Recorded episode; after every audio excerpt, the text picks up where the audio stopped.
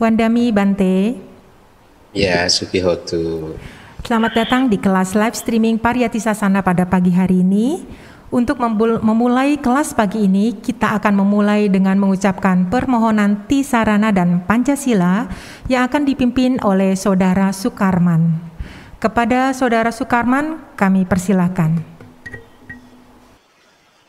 Wandami Bante. Iya.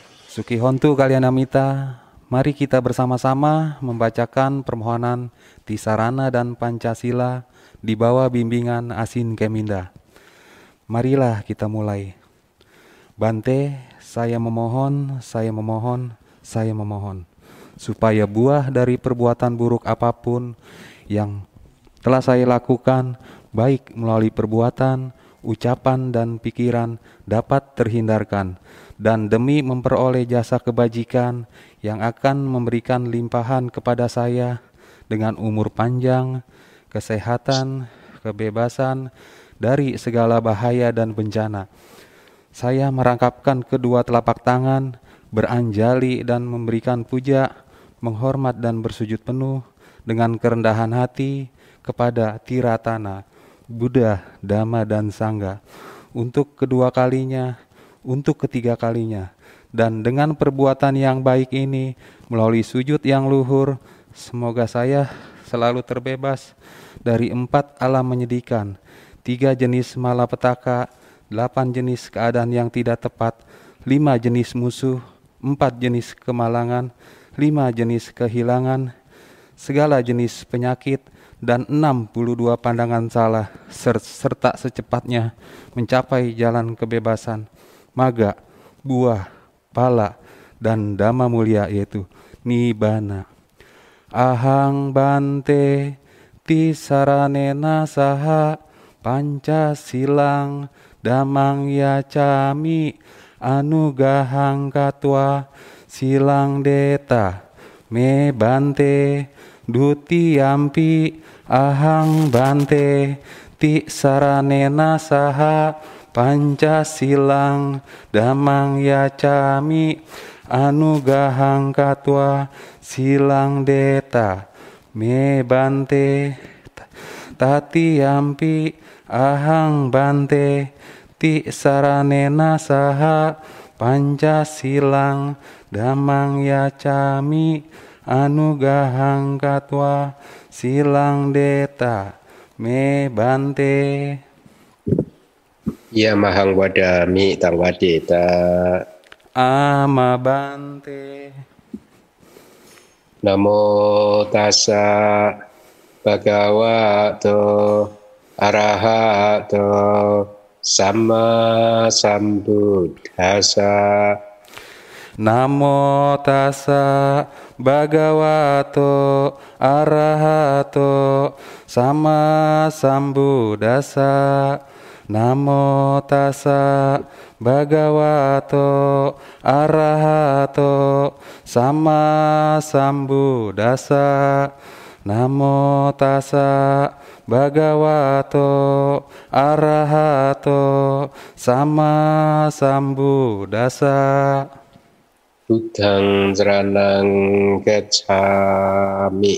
Dhammang saranang gacchami Sanghang saranang gacchami Budang saranang gacami, damang saranang gacami, sanggang saranang gacami. Dutiyampi buddhang saranang gacami. Dutiyampi dhammang saranang gacami. Dutiyampi sanghang saranang gacami.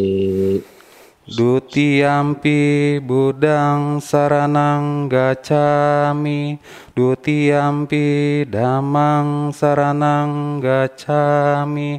Dutiyampi sanggang saranang gacami. Tatiyampi buddhang saranang gacami. Tatiyampi dhammang saranang gacami. Tatiyampi sangham saranang gacchami Tatiyampi budang saranang gacami. Tatiyampi damang saranang gacami. Tatiyampi sanggang saranang gacami. Ti sarana ganang paripurnang Amabante Panati pada wera manisika padang samadhyami. Panati pata weramani sika padang samadhyami. Adina dana wera manisika padang samadhyami. Adina dana Weramani sika padang samadhyami Kame sumita cara wera manisika padang samadhyami Kame sumica cara weramani sika padang samadhyami musawada wera manisika padang samadhyami musawada weramani sika padang samadhyami surame raya maja pamadatana wera manisika padang samadhyami Surameraya Maja Pamadatana Weramani sika padang samadhyami idame punyang. Idang me punyang. Asawa kaya wahang. Asawa kaya wahang. Otu Hotu. Idame silang. Idang me silang. Ibanasa Nibanasa pacayo Pacayo otu Hotu sarane nak saha Pancasila. Damang sadukang katwa pemadi nak sampateda Amabante Sadu Sadu Sadu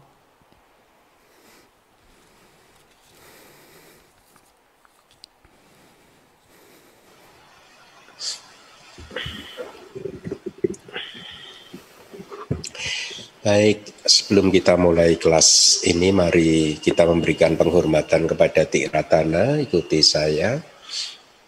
Saya bersujud di telapak kaki Buddha, Saya bersujud di telapak kaki Buddha Guru Agung yang mulia. Guru Agung yang mulia Saya memuliakan damaknya yang sejati Saya memuliakan damanya yang sejati dan menjura kepada Sangga. dan menjura kepada Sangga Sadu, sadu, sadu Baik, eh, Suki Hontu, Wandami para Bante Biku Sangga, Suki Hontu para Samanera, Sayale, Upasaka dan Upasika sekalian. Semoga Anda semua dalam keadaan yang baik, sehat, damai dan bahagia. Kita bertemu kembali di kelas Pariyati Sasana, also known as eh, kelas kajian kitab suci. Sungguh eh, suatu berkat buat kita semua ya buat saya sebagai guru dan Anda sebagai murid yang mendengarkan pada akhirnya di dalam kehidupan ini mendapatkan kesempatan untuk mempelajari ajaran Buddha. Bagi saya mempelajari ajaran Buddha ya artinya mempelajari kitab suci dan definisi kitab suci bagi saya karena mengikuti petunjuk dari kata-kata adalah tidak hanya berhenti di dalam Tripitaka saja. Karena mustahil memahami apa yang dimaksudkan oleh Buddha di dalam Tripitaka tanpa bantuan komentar. Bahkan di kitab komentar dijelaskan bahwa Buddha wacana, Buddha wacana itu artinya perkataan Buddha, ya. Jadi bahasa palinya kira-kira begini. Te pitakang Buddha wacana saat kata pali. Jadi tipitaka Te pitakang itu tipitaka Buddha wacana yang merupakan perkataan Buddha itu ya. Jadi atau Tipitaka adalah perkataan Buddha itu atau yang merupakan perkataan Buddha yang ada di dalam saat kata Pali. Saat kata Pali itu artinya perkataan Buddha yang ada di Pali beserta dengan kata-katanya.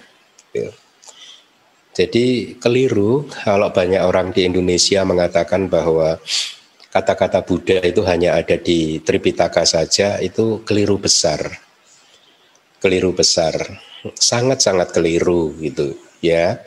E, maka bagi saya sebenarnya lebih baik berhati-hati untuk mengucapkan statement-statement yang berkaitan dengan ajaran Buddha karena kita tidak ingin melakukan sesuatu yang malah akhirnya menjadi penghalang kita kan untuk bertemu dengan ajaran yang benar kan.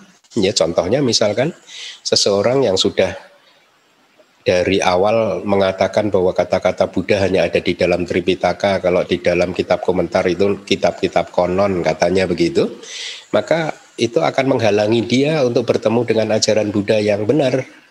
Karena bagaimana mungkin kita bisa memahami ajaran Buddha hanya berdasarkan Tripitaka saja.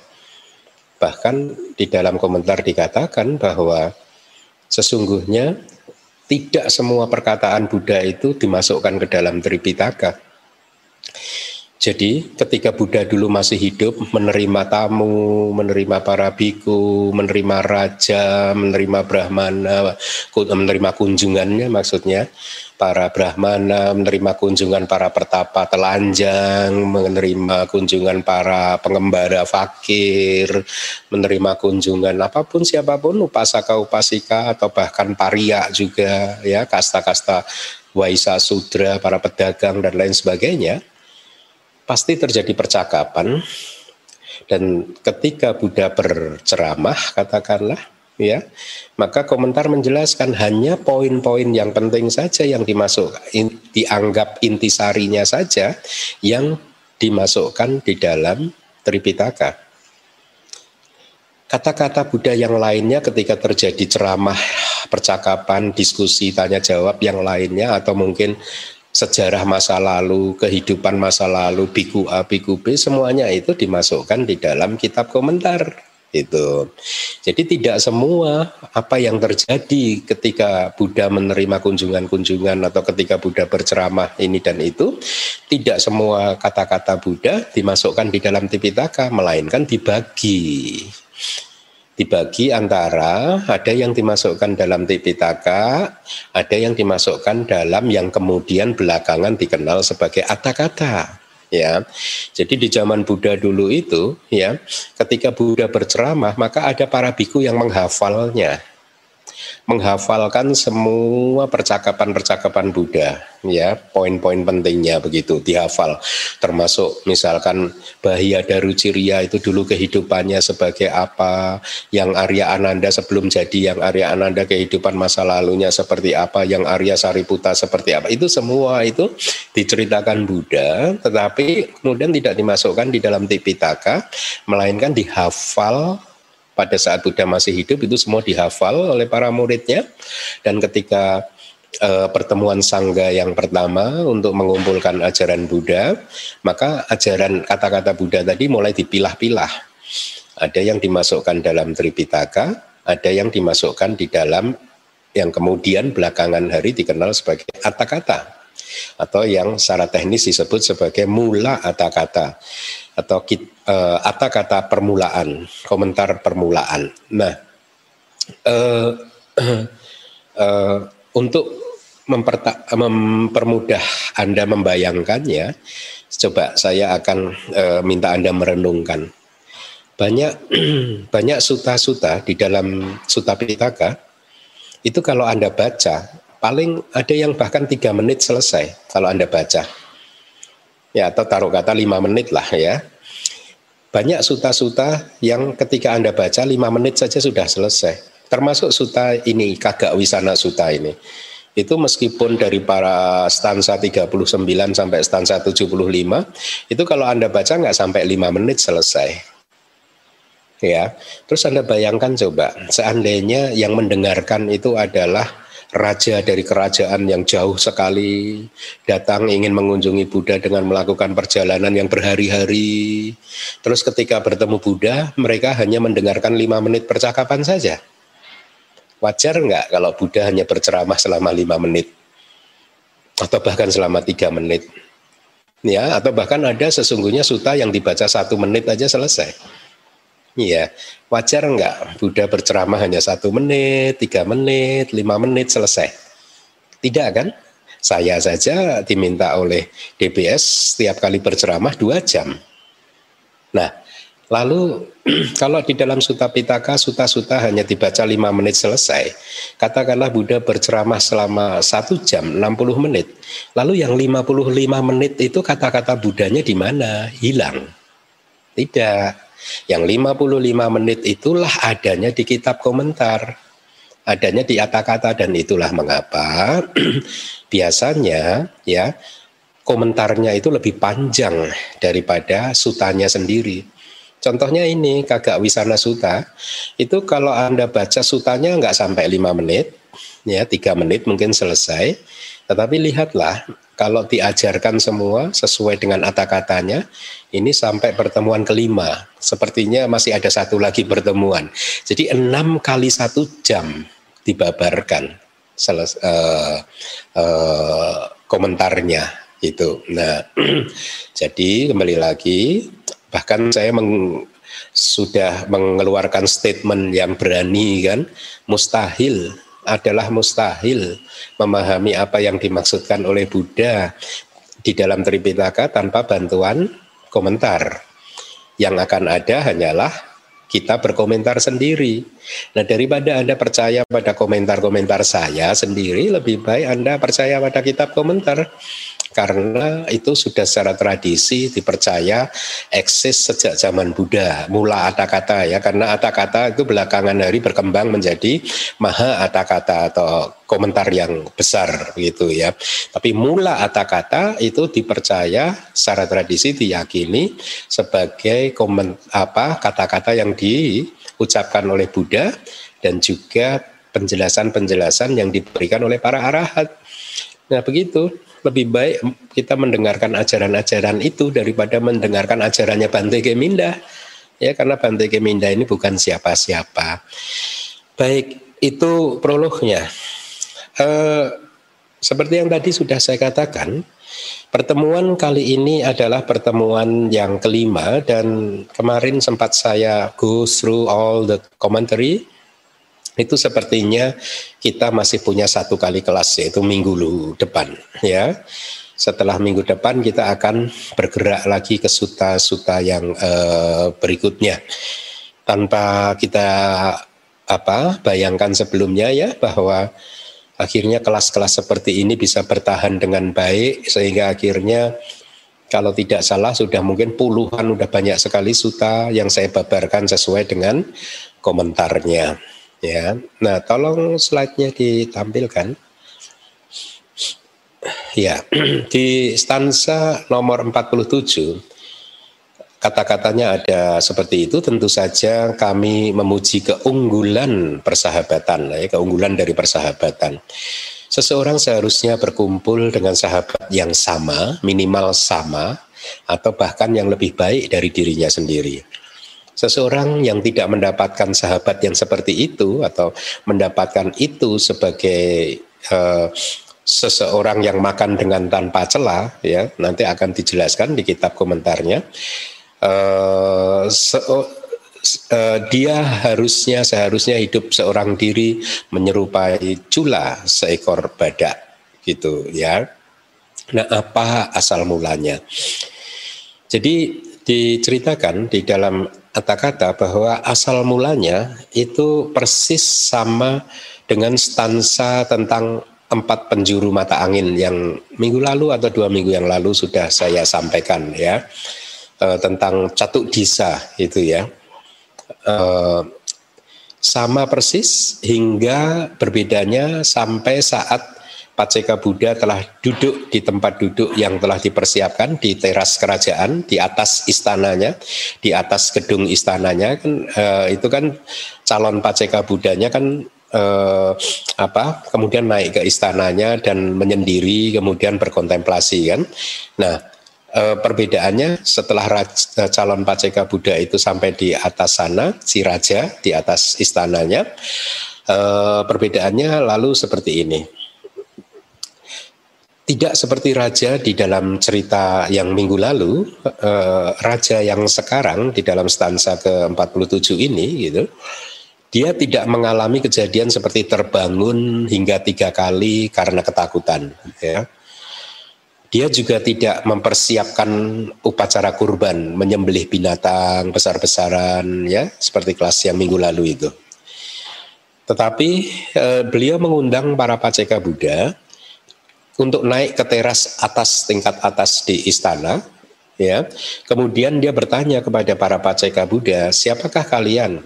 itu dan dijawab oleh para paceka Buddha seperti di dalam slide saya adalah an uh, an nawaja bojina artinya adalah eh, orang-orang uh, yang makan dengan tanpa celah anawaja bojina an plus awaja uh, anak plus wajak plus bojina jadi orang-orang yang makan dengan tanpa celah Kemudian raja bingung artinya dan dia bertanya wahai para bante, jadi para paceka Buddha juga dipanggil bante ya. Karena mereka ini sebenarnya juga biku gitu ya. Apa arti dari nama tersebut? Kemudian mereka menjawab, apakah kami mendapatkan makanan yang bagus atau yang tidak bagus? Kami tetap sama saja, sikap kami tetap sama saja, tidak berubah tetap tenang wahai Maharaja. Jadi ketika menerima makanan yang bagus atau yang tidak bagus dia tetap tenang. Menerima eh, apa? Hmm, ada yang berdana makanan, ada yang tidak, kita tetap saja eh, mereka tetap saja tenang gitu. Ketika mendengarkan itu raja kemudian berpikir, eh, saya mau menyelidiki gitu. Apakah mereka ini benar-benar seperti yang dikatakan? Maka pada hari itu raja e, mengundang mereka dan mempersembahkan dana makanan melayani mereka dengan makanan berupa bubur nasi pecah. Jadi ini bubur nasi pecah itu bubur yang yang nggak enak begitu ya, yang makanan yang sangat tidak enak, tidak tidak lezat gitu ya, inferior gitu. Dan sudah bubur nasi pecah masih dicampur dengan asam cuka sebagai pendampingnya. Jadi kayak kuahnya itu asam cuka. Gitu. Ketika sudah dipersembahkan demikian, para paceka Buddha memakannya dengan tenang seolah sedang makan ambrosia. Ambrosia itu makanan sering disebut the deathless food, makanan tanpa kematian, tetapi ini adalah sesungguhnya sejenis makanan para dewa, ya, makanan surgawi gitu. Kemudian raja berpikir seperti ini. Mereka bisa tetap tenang pada hari ini disebabkan oleh klaim yang baru saja mereka ucapkan tadi bahwa mereka adalah anak wajak bojina itu, awan anak wajak bojina. Ya. Kalau begitu, raja berpikir saya akan mencobanya lagi besok. Ya, karena ini baru saja dia mengucapkan kata-kata itu gitu. Maka eh, wajar saja kalau mereka tetap tenang menerima makanan yang buruk sekali itu gitu.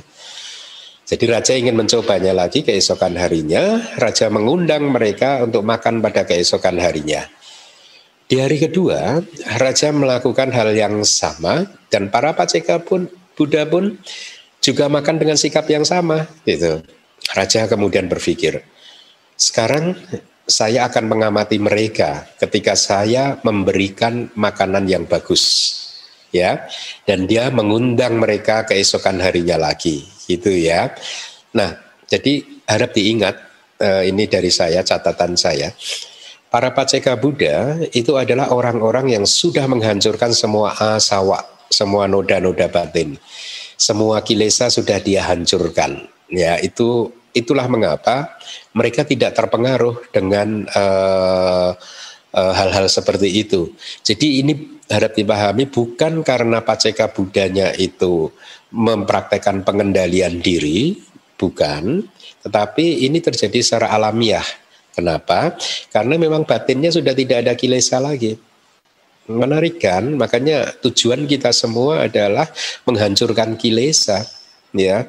E, e, semuanya baik yang kita para biku maupun anda para upasaka upasika tujuan kita sama menghancurkan kilesa. Supaya apa? Supaya bisa menikmati kehidupan itu dengan damai dengan bahagia begitu. Seperti yang dialami atau dilakukan apa terjadi pada para paceka Buddha ketika menerima makanan yang tidak enak pun mereka tetap tenang gitu ya. Nah, jadi singkat cerita, selama dua hari raja menunjukkan kepada mereka rasa hormat yang tinggi dan melayani mereka dengan berbagai makanan yang lezat. Lagi-lagi mereka makan dengan sikap yang sama seperti sebelumnya dan setelah memberikan blessing kepada raja, ya, mereka pergi. Sesaat setelah kepergian mereka, raja merenung. Para pertapa ini, para biku ini benar-benar makan dengan tanpa celah. Oh, semoga saya pun bisa menjadi orang yang makan dengan tanpa celah gitu. Jadi ini teladannya, raja pengen meniru mereka gitu. Ya, jadi artinya jangan serakah dengan makanan ya e, kalau Anda cermati, sem, coba kalau Anda ingat-ingat, kita ingat-ingat ketika nafsu-nafsu kita terhadap makanan itu muncul, kita sangat ingin mengingin apa eh, memakannya, mendapatkannya dan mungkin jengkel kalau kita tidak mendapatkannya udah jauh-jauh pergi ke restoran makanan yang kita cari habis, misalkan seperti itu ya. Tapi coba ingat-ingat semua pengalaman Anda ketika nafsu-nafsu Anda muncul, nafsu Anda itu ada batasnya kan seperti yang saya ceritakan di durian itu bagi saya itu ya enak sampai ke butir yang keempat gitu. Setelah butir keempat sudah bagi saya udah nggak enak lagi. Nah cobalah pahami ya nafsu-nafsu Anda seperti itu yang senantiasa berubah.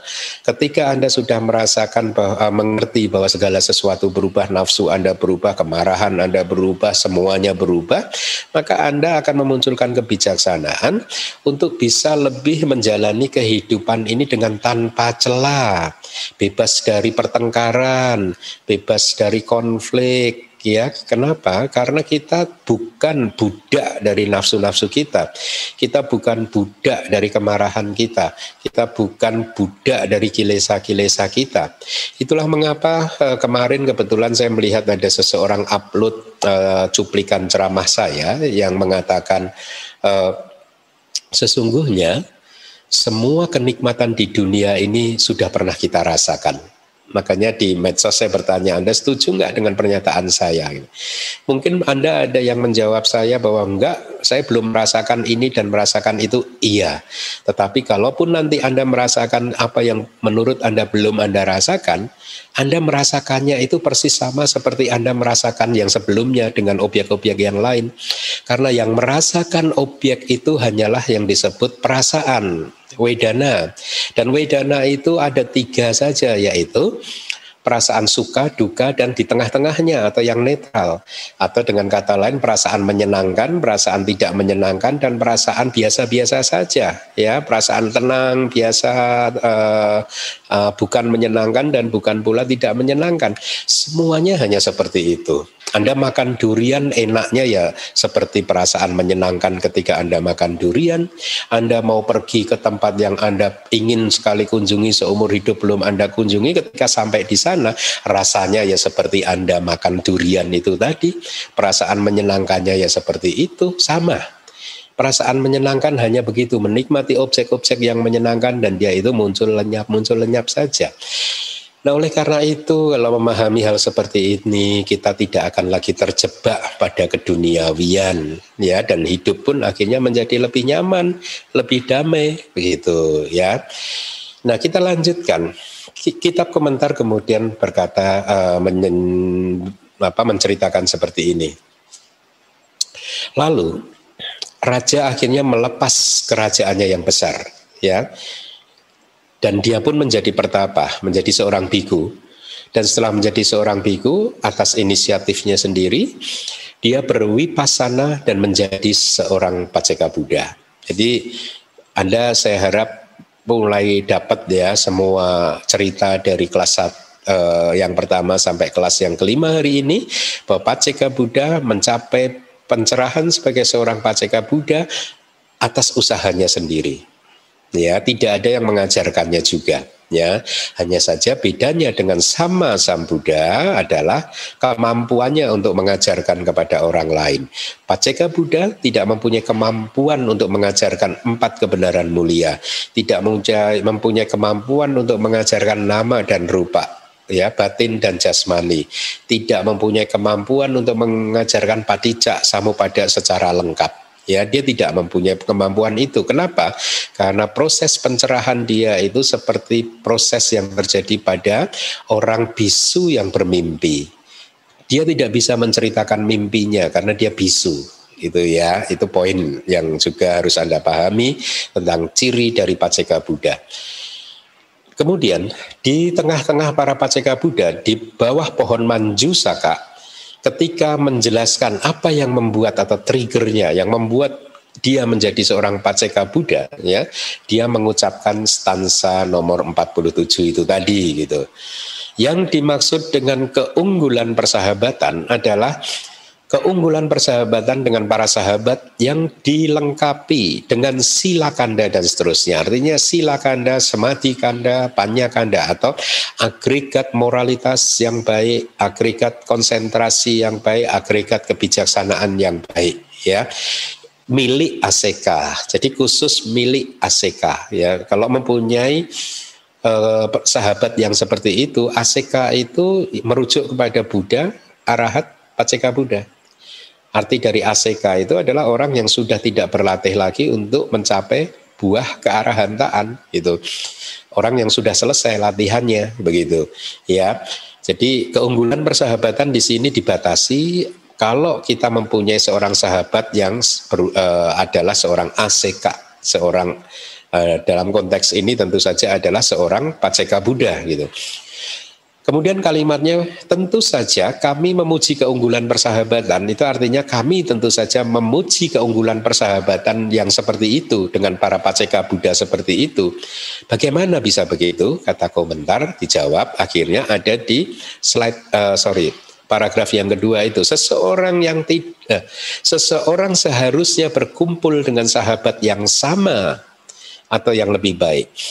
Jadi ini ini juga teladan. Kita seharusnya berkumpul dengan sahabat yang sama atau yang lebih baik. Ini dari Paceka Buddha. Kenapa Bante nggak boleh berkumpul dengan orang yang di, yang di, yang jelek moralitasnya? Ya boleh sebenarnya, tapi Anda harus hati-hati sih menurut saya karena bisa jadi kita terpengaruh. Kalau Anda berkumpul dengan orang yang moralitasnya buruk, ya Anda bisa terpengaruh karena Anda belum divaksin. Masih gampang kena virus gitu ya. Makanya uh, ini nasi, apa teladan dari para paceka Buddha, seseorang seharusnya berkumpul dengan sahabat yang sama atau bahkan yang lebih baik. Kenapa begitu? Komentar menjelaskan begini, kalau tadi kan dari saya ya. Ketika seseorang bersahabat dengan sahabat-sahabat yang lebih baik dari dirinya sendiri, ya. Lebih baik dalam hal sila kanda samadhi kanda panya kanda atau agregat sila agregat samadhi agregat panya apabila sila kanda dan lain-lain belum muncul pada dirinya maka itu akan muncul. Ya benar sekali itu benar sekali. Uh, saya itu merasakan sekali ketika belum uh, sekolah kan saya sempat retret uh, untuk se, apa, beberapa waktu kan ya di bawah bimbingan uh, saya ada saya. Kemudian juga di wihara itu saya punya banyak saudara-saudara seperguruan. Saya merasakan bahwa kehidupan uh, saya itu banyak berkembang dengan pesat di sana gitu ya. Karena apa? Saya berkumpul dengan orang-orang yang baik gitu ya eh, apabila sila kanda dan lain-lain belum muncul maka itu akan muncul. Apabila sudah muncul, apabila Anda sudah mempunyai sila kanda, samadhi kanda dan banyak kanda, kalau Anda bersahabat dengan sahabat-sahabat yang seperti itu, maka sila kanda dan seterusnya milik Anda itu tadi akan tumbuh dan berkembang, akan bertambah dan akhirnya menjadi matang. Itulah pentingnya mempunyai sahabat yang seperti itu tadi. Ketika seseorang bersahabat dengan sahabat yang sama kualitasnya dengan dirinya sendiri, maka dengan saling mendukung satu sama lain dan menyingkirkan penyesalan, ya, seseorang tidak akan jatuh dari apa yang sudah dicapainya. Gitu. Sebenarnya saya dalam konteks yang terakhir ini mengamati apa yang uh, terjadi di umat-umat di DBS. Saya melihat mereka sudah uh, berkumpul seperti itu, bersahabat seperti itu, dan uh, seharusnya menurut pengamatan saya mereka juga berkembang satu sama lain menjadi saling mendukung ya. Tentu saja ketika berbicara umat DBS saya juga berharap itu terjadi pada Anda yang jauh dari DBS gitu. Carilah Eh, teman-teman yang sejalan, sepaham, mempunyai kualitas yang sama minimal supaya bisa saling mendukung, begitu ya. Uh, karena itu penting sekali gitu.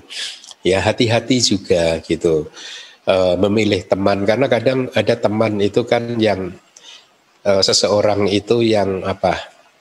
Hmm, uh, uh, batinnya selalu negatif gitu ya ada. Maka kita harus berhati-hati. Atau ada yang jokesnya itu uh, dulu sempat uh, apa beredar itu kan ada seseorang uh, seseorang itu kalau terbuat dari tanah sengketa itu ya begitu. Artinya apa? Ya di mana pun dia bersengketa gitu. Dia berada di satu tempat dia bersengketa dia pindah ke tempat lain bersengketa lagi, pindah ke tempat ini bersengketa lagi, bersengketa terus. Nah hati-hati dengan teman yang seperti itu. Kenapa? Ya karena kalau di dalam satu komunitas ada satu orang yang seperti itu akan terancam apa? E, perpecahan akan bisa terjadi. Minimal akan mengganggu keharmonisan minimal akan mengganggu kerukunan ya kalau anda misalkan berlima bersahabat, ada satu teman yang seperti itu minimal akan membuat Anda menjadi canggung ya.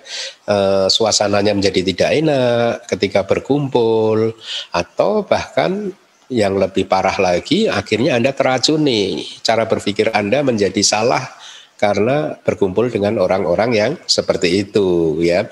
E, semata-mata karena putu jana itu ibaratnya adalah orang yang belum divaksin ya mudah terpengaruh oleh uh, lingkungan uh, kita gitu. Nah, saya lanjutkan.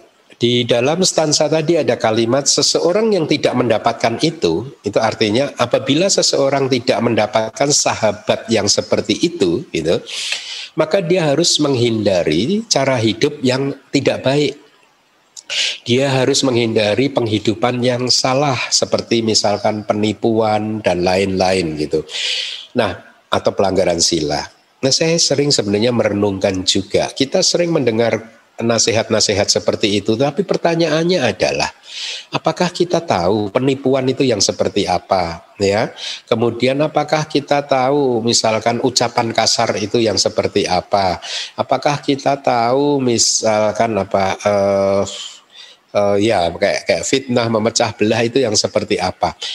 Karena masih saja banyak juga uh, atau atau misalkan kemarin yang sempat saya sampaikan di media sosial tentang kesombongan.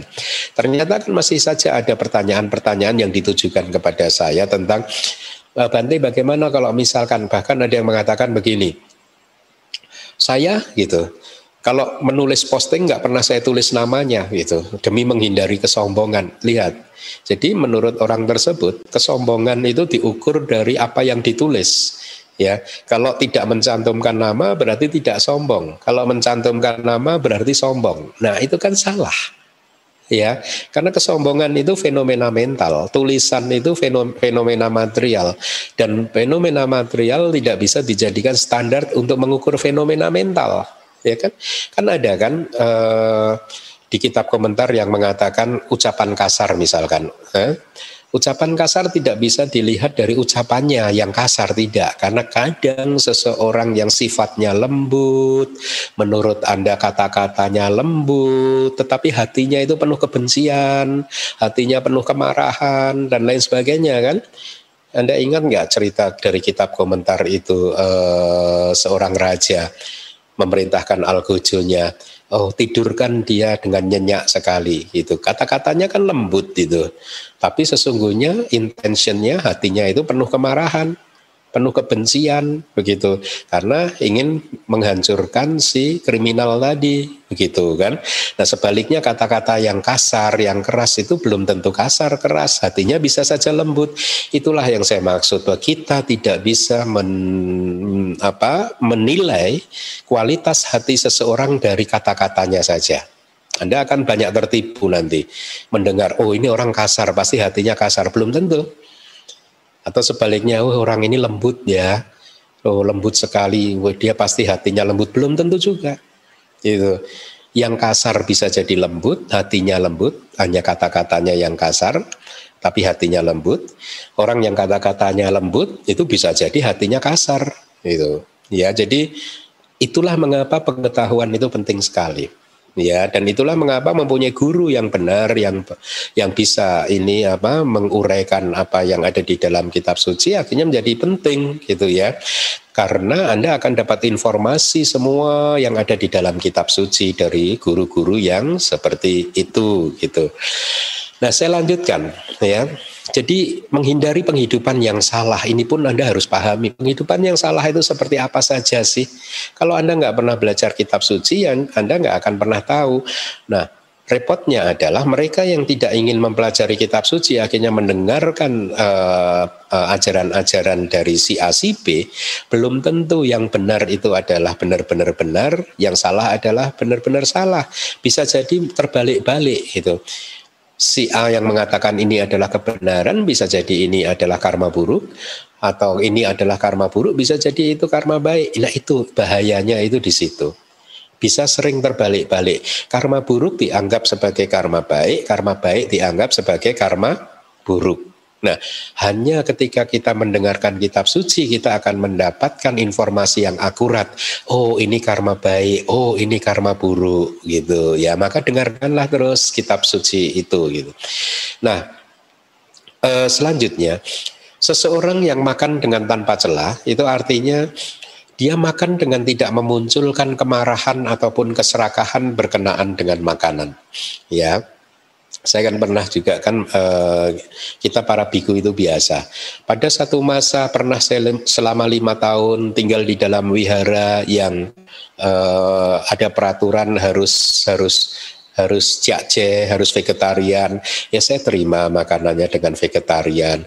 Bahkan saya pun mengalami itu ya dua kali tidak selama tidak berurut berturut-turut dua kali di dalam kehidupan saya itu makan siang umat tidak uh, tidak ada yang datang. Saya pun mengalaminya. Kita sudah di Indonesia ketika sebelum di DBS ya, itu makan siang tidak ada.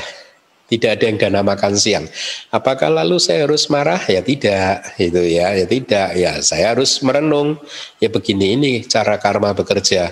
Kalau karma buruk sedang berbuah ya begitu bisa membuat orang itu lupa itu untuk berdana makanan gitu sehingga akhirnya saya tidak makan siang. Itu saya pun pernah mengalami uh, dua kali. Nah tapi kalaupun walaupun demikian ya kita nggak boleh marah gitu ya. Nah uh, saya lanjutkan lagi dia tidak memunculkan kemarahan ataupun keserakahan berkenaan dengan makanan. Seorang putra dari keluarga baik-baik yang menginginkan kebaikan hendaknya hidup seorang diri menyerupai cula seekor badak. Oleh karena saya pun yang hidup seperti itu telah mencapai pencapaian ini yaitu uh, menjadi seorang paceka Buddha gitu. Itu jadi cerita dari paceka Budanya gitu. Nah, itu tadi stansa nomor 47 yang 48 setelah melihat gelang-gelang yang bersinar ini menarik nih, keemasan yang dibuat dengan sempurna oleh putra seorang pandai emas, saling berbenturan di dua pergelangan tangan, seseorang seharusnya hidup seorang diri menyerupai cula seekor badak. Asal mulanya adalah seorang raja Baranasi tertentu telah pergi untuk beristirahat di musim panas. Salah satu selirnya sedang menggiling kayu cendana, ya salah satu selirnya menggiling kayu cendana. Dia mengenakan satu gelang tunggal di salah satu pergelangan tangannya. Ya, di tangan yang satunya lagi dia mengenakan dua gelang. Ya, Dua gelang itu saling berbenturan, sedangkan satu gelang yang di tangan yang satunya tidak mengeluarkan bunyi apa pun. Setelah melihat itu semua, sambil memandang ke selirnya, raja merenungkan seperti ini. Begitulah ada saja benturan ketika seseorang hidup bersama di dalam satu kelompok. Nah, ini coba Anda renungkan ya. Seperti gelang tadi, ketika lebih dari satu ada bunyinya gitu. Jadi raja merenung seperti ini. Akan ada saja benturan ketika seseorang itu hidup bersama di dalam satu kelompok. Sebaliknya, tidak ada benturan ketika seseorang hidup sendirian. Nah singkat cerita, pada waktu itu permaisuri raja yang mengenakan segala jenis perhiasannya sedang mengipasi raja. Cuman di, di Myanmar pun tradisi ini masih ada. Kami para biku kalau diundang dana makan begitu biasanya ada saja umat yang mengipasi kami gitu. Nah raja berpikir seperti ini. Sepertinya raja sedang jatuh cinta pada si selir itu. Si ratu berpikir seperti itu ya. Dia kemudian tidak lama kemudian mengusir selir tersebut dan mulai menggiling kayu cendanya, cendananya sendiri gitu. Karena ada banyak gelang di kedua tangannya, maka ketika uh, dia menggiling kayu cendana, gelang-gelang tersebut saling berbenturan. Suara yang dihasilkannya pun sangat memekakkan telinga gitu. Raja pun menjadi semakin jijik. Bahkan saat sedang berbaring di sisi tubuh sebelah kanan, pada saat itu dia pun berwipasana dan merealisasi pencerahan seorang paceka Buddha. Pada saat dia sedang menikmati kebahagiaan lokutaranya, adi duniawinya, ratu mendekati dia dengan kayu cendana di kedua tangannya dan berkata, izinkan saya untuk menaburi dan mengolesi Anda, wahai Maharaja. Dan Raja menjawab, saya bukan Raja, karena Raja sudah menjadi seorang paceka Buddha. Ya, Para menteri yang mendengar percakapan mereka kemudian mendekat. Ketika mereka menyapanya dengan sebutan raja, dia berkata, raja juga berkata seperti tadi, saya bukan raja. Dan cerita selanjutnya mirip dengan penjelasan yang telah diberikan di stansa yang sebelumnya. Gitu. Nah jadi setelah melihat gelang-gelang emas di tangannya dan merenungkan seperti ini ya di tangan ratu, ada saja benturan ketika seorang hidup seseorang hidup bersama di dalam satu kelompok Sebaliknya, tidak ada benturan ketika seseorang hidup sendirian. Kemudian saya berwipasana dan mencapai pencerahan seorang Paceka Buddha. Itu yang dijelaskan oleh Paceka Buddha tersebut kepada para Paceka Buddha di pegunungan Himalaya atau Ganda Madana itu. Next slide. 49 ya. Seandainya saya bersama dengan orang yang kedua, artinya mempunyai partner atau berjalan berdua, hidup berdua atau mempunyai sahabat itu maksud dari bersama dengan orang yang kedua akan ada kata-kata manis untuk menghiburnya atau gesekan verbal. Ketika mengamati bahaya itu di masa yang akan datang, jadi di masa yang akan datang mungkin akan ada juga bahaya yang seperti itu. Nah, seseorang seharusnya hidup seorang diri menyerupai cula seekor badak Asal mulanya adalah seorang raja yang tertentu di Baranasi yang ingin meninggalkan keduniawian bahkan ketika dia masih muda memerintahkan kepada para menterinya seperti ini. Setelah mengambil ratu, kalian harus menjaga kerajaan ini. Saya akan meninggalkan keduniawian. Akan tetapi para menteri mencoba meyakinkan raja dengan berkata, sangat tidak mungkin bagi kami wahai maharaja untuk menjaga kerajaan yang tanpa raja ini. Kerajaan-kerajaan tetangga pasti akan menyerbu dan menjarah lahan-lahan kita. Tunggulah raja, wahai maharaja, sampai Anda mendapatkan seorang putra. Raja pun menyetujuinya. Kemudian tidak lama kemudian ratu hamil. Raja pun ketika uh, itu memerintahkan orang-orangnya dan berkata seperti ini, Ratu sedang hamil, setelah menobatkan anak laki-laki yang akan lahir nanti sebagai pewaris kerajaan, jagalah kerajaan ini. Saya akan meninggalkan keduniawian. Kembali para menteri memohon, sulit untuk mengetahui wahai Maharaja, apakah ratu benar-benar akan melahirkan bayi laki-laki? Ya uh, tunggulah sampai ratu melahirkan singkat cerita ratu pun akhirnya uh, raja menyetujui dan singkat cerita ratu melahirkan seorang putra bayi laki-laki gitu. Raja pun memerintahkan para menterinya seperti sebelumnya dan para menteri pun membujuk raja seperti sebelumnya dengan berkata tunggulah wahai maharaja uh, sampai dia mampu untuk memerintah kerajaan. Ketika pangeran sudah cakap dan dianggap mampu, raja mengum, kembali mengumpulkan para menteri dan berkata, "Dia sekarang sudah cakap. Nobatkanlah dia sebagai raja dan silahkan melanjutkan uh, pekerjaan atau tugas-tugas kalian." Dengan tanpa memberikan kesempatan pada para menterinya untuk menjawab, dia menyiapkan semua kebutuhan-kebutuhan dia seperti jubah berwarna kunyit, ya dan lain-lain yang dibelinya dari pasar. Dia meninggalkan kerajaan seperti Maha Janaka. Maha Janaka itu sangat terkenal. Anda bisa cari di cerita Jataka, Maha Janaka gitu ya. M A H A panjang hanya J A N A K A Janaka. Semua menterinya menangisi kepergiannya hingga akhirnya mereka semua mengikuti raja. Raja pergi menuju perbatasan kerajaannya di sana dia membuat sebuah garis pembatas dengan tongkatnya dan berkata, kalian tidak boleh melewati batas garis ini. Semuanya akhirnya mematuhinya, rakyat juga mematuhinya sambil menangis. Akan tetapi mereka membuat pangeran melewati garis pembatas tersebut dan berkata kepada pangeran, sekarang wahai tuan yang berkasih, perintah raja itu ada pada Anda, pada pangeran. Kalau Anda sudah memerintahkan, apa yang dia bisa berbuat? Dan singkat cerita, pangeran karena masih kecil sambil menangis memanggil ayah, ayah dan mengejar raja. Dan ketika sudah dekat, dia memegangi raja. Raja pun akhirnya berpikir, saya memimpin kerajaan dengan mengatur dan merawat banyak orang. Ya, kenapa saya tidak sanggup untuk menjaga satu anak ini? Lalu dia berpikir setelah berpikir seperti itu, dia membawa pangeran masuk ke hutan. Di dalam hutan, setelah melihat sebuah gubuk beratap daun-daunan yang telah digunakan oleh para paceka Buddha yang sebelumnya, dia tinggal di sana bersama dengan putranya. Sejak saat itu ya anaknya selalu menangis karena dia terbiasa tidur di tempat yang nyaman dan sekarang harus tidur di tempat yang buruk. Cerita ketika di kuburan uh, apa uh, uh, jadi cerita itu ya uh, ketika berada di hutan gitu juga uh, apa uh, menjadi satu uh, hambatan bagi raja untuk mencapai ketenangannya.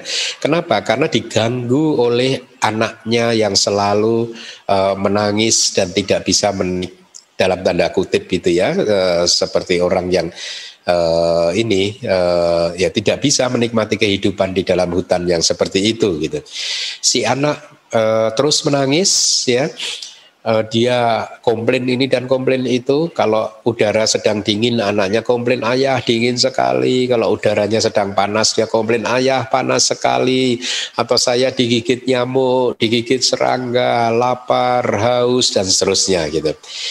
Nah, ayahnya bisa menghabiskan malamnya hanya untuk menenangkan dia dan menjelaskan keadaan ini harus diterima, sabar dan lain sebagainya. Gitu. Di sepanjang siang pun jadi kalau malam ayahnya sibuk untuk menenangkan anaknya, siang pun sang ayah harus membawakannya makanan yang didapatnya dari hasil pindah patah.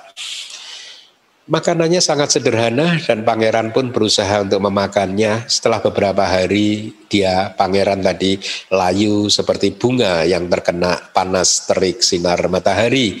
Raja pun menghibur anaknya makanan lezat bisa didapatkan di kota, wahai anakku, wahai sayangku. Kalau begitu, mari kita pergi ke kota. Si anak menjawab, Baik, wahai ayah. Lalu raja pergi ke kota melalui jalan yang sebelumnya telah dilaluinya ketika dia masuk ke hutan. Ya, dan uh, ratu singkat cerita di sisi yang lain ratu menunggu uh, apa uh, di garis perbatasan di dekat garis perbatasan jadi dia berpikir begini dengan membawa anaknya atau putranya maka raja pasti tidak akan bisa hidup lama di dalam hutan setelah beberapa hari dia akan kembali lagi karena dia berpikir seperti itu, maka ratu membangun sebuah pos pengawasan ya di tempat di mana raja membuat garis pembatas dengan tongkatnya dan ratu juga membangun tempat tinggal di sana. Lalu beberapa hari kemudian benar apa yang dipikirkan oleh ratu, raja berjalan keluar dari hutan. Raja yang berdiri tidak jauh dari tempat tinggal ratu berkata kepada putranya, ibumu itu ibumu wahai sayangku sedang duduk di sini ya. Pergilah ke sana gitu. Raja pun kemudian melepaskan putranya untuk kembali. Beliau memandangi terus demi memastikan keselamatan anaknya singkat cerita ratu pun menyambut kedatangan putranya. Raja lalu kembali ke hutan. Singkat cerita, ratu menobatkan putranya sebagai raja, sementara uh, ayahnya yang ada di hutan setelah tiba di dalam di gubuknya di dalam hutan dia duduk bermeditasi mengembangkan wipasana dan akhirnya merealisasi pencerahan sebagai paceka Buddha. Di belakang hari di tengah-tengah para paceka Buddha di bawah pohon manjuga dia mengucapkan stansa 49 ini sebagai bentuk ungkapan kebahagiaan jadi dikatakan di dalam komentar bahwa stansa 49 ini sudah sangat jelas maknanya. Ya, ketika saya mencoba menenangkan orang kedua dalam hal ini pangeran orang keduanya, saat dia mengeluhkan cuaca yang dingin, panas dan lain sebagainya, maka itulah kata-kata manis saya untuk menghiburnya, ya. Jadi kan di stanza kalimatnya, seandainya saya bersama dengan orang yang kedua, akan ada kata-kata manis untuk menghibur dia atau akan ada gesekan verbal, ya. Seandainya saya tidak meninggalkan ini, maka di masa depan hal ini akan terjadi lagi seperti yang sudah-sudah itu dan hal itu akan menjadi hambatan untuk pencapaian yang istimewa artinya pencapaian eh, tingkat pencerahan sebagai seorang paceka Buddha. Nah, jadi ketika mengamati bahaya itu di masa yang akan datang, saya melepaskannya. Kemudian berlatih dengan hati-hati dan akhirnya mencapai pencerahan sebagai paceka Buddha. Itu artinya ya. Nah, sisanya sama seperti yang sudah dijelaskan di kelas-kelas yang lalu. Next slide. Ya, kenikmatan-kenikmatan indriawi adalah berwarna-warni, manis dan menyenangkan. Ini juga menarik. Karena bermacam-macam mereka mengguncangkan batin. Nah ini bagus ini buat kita semua ya. Setelah melihat bahaya di dalam lima bagian kenikmatan indriawi, arti lima bagian kenikmatan indriawi itu lima objek panca indera kita ya. Seseorang seharusnya hidup seorang diri menyerupai cula seekor badak. Jadi asal mulanya seperti ini. Diceritakan bahwa di, di Baranasi, kota Baranasi, putra seorang miliuner bahkan sejak masih muda telah mendapatkan tempat uh, sebagai miliuner. Jadi dia sudah kaya gitu ya sejak mudanya dia sudah menjadi seorang uh, yang kaya raya. Dia mempunyai tiga gedung besar, masing-masing untuk setiap musim gitu. Di sana dia bersenang-senang dengan segala jenis kesenangan di gedung-gedungnya itu tadi. Mirip seperti seorang pemuda dari surga akan tetapi, walaupun masih muda, dia bisa menasehati atau memberitahu orang tuanya seperti ini. Saya akan meninggalkan keduniawian. Tentu saja orang tuanya melarangnya, tapi dia ngotot lagi-lagi orang tuanya melarangnya dengan berbagai cara dengan berkata, "Wahai sayangku, kamu ini adalah anak yang lembut sekali. Kehidupan sebagai biku itu sangat sulit, persis seperti berjalan di ujung pisau yang sangat tajam. Jadi mungkin kayak silet begitu berjalan di atas siletnya itu tentu akan sulit sekali gitu. Ya, bahkan di zaman Paceka Buddha yang ini pun orang tua seperti itu ad, sudah ada ya. Di zaman modern juga ada kan orang tua yang seperti itu. Nah, orang tuanya mempertimbangkan seperti ini. Dia berpikir, jika anakku menjadi seorang biku, maka kami akan berduka cita. Tapi apabila kami mencegah, maka dia yang akan berduka cita. Oleh karena itu biarlah kami saja yang berduka cita, bukan dia. Ya, bijaksana ya. Kemudian mereka pun memberikan izin. Lalu si anak tadi pun pergi ke isi patana. Isi patana itu tempat para resi, ya kejatuhan resi artinya. Itu saya sudah uraikan mungkin di di uh, kitab komentar tentang Damak Cakak Pawatana Sutta, sejarah dari isi patana itu ya. Di sana banyak pertapa ya. Jadi dia pun ke sana saat semua orang menangisi kepergiannya dan akhirnya menjadi biku di bawah bimbingan beberapa paceka Buddha. Dia tidak mendapatkan tempat tinggal yang bagus. Dia tidur di atas tikar yang digelar di atas dipan hanya dengan di atas tikar saja gitu. Oleh karena terbiasa tidur di tempat tidur yang nyaman, dia merasa sangat tersiksa di sepanjang malam.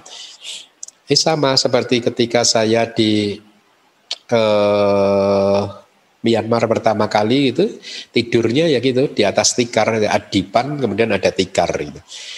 Dia merasa sangat tersiksa di sepanjang malam. Ya, di pagi hari setelah melakukan aktivitas untuk tubuhnya, ya seperti pergi ke toilet dan lain sebagainya, dia mengambil patak atau mangkok bikunya dan juga memakai jubahnya, lalu memasuki kota untuk pindah patak bersama dengan para paceka Buddha. Di sana mereka yang senior, para biku yang senior, menerima tempat duduk dan makanan yang terbaik. Sementara yang junior hanya mendapatkan tempat duduk dan makanan yang kasar. Dia pun merasa sangat tersiksa karena makanan yang kasar itu. Setelah beberapa hari, dia menjadi kurus, pucat, dan rasa jemu pun muncul. Ini semua karena kewajiban kepertapaan jalan mulia berunsur delapan belum berkembang pada dia ya. Jadi ini terjadi bahkan di setiap zaman sesungguhnya ya. Jadi juga jangan pernah berpikir kalau Anda retret pasti Anda akan bisa menaklukkan kilesa. Enggak. Banyak kejadian seseorang retret itu malah kilesanya naik gitu.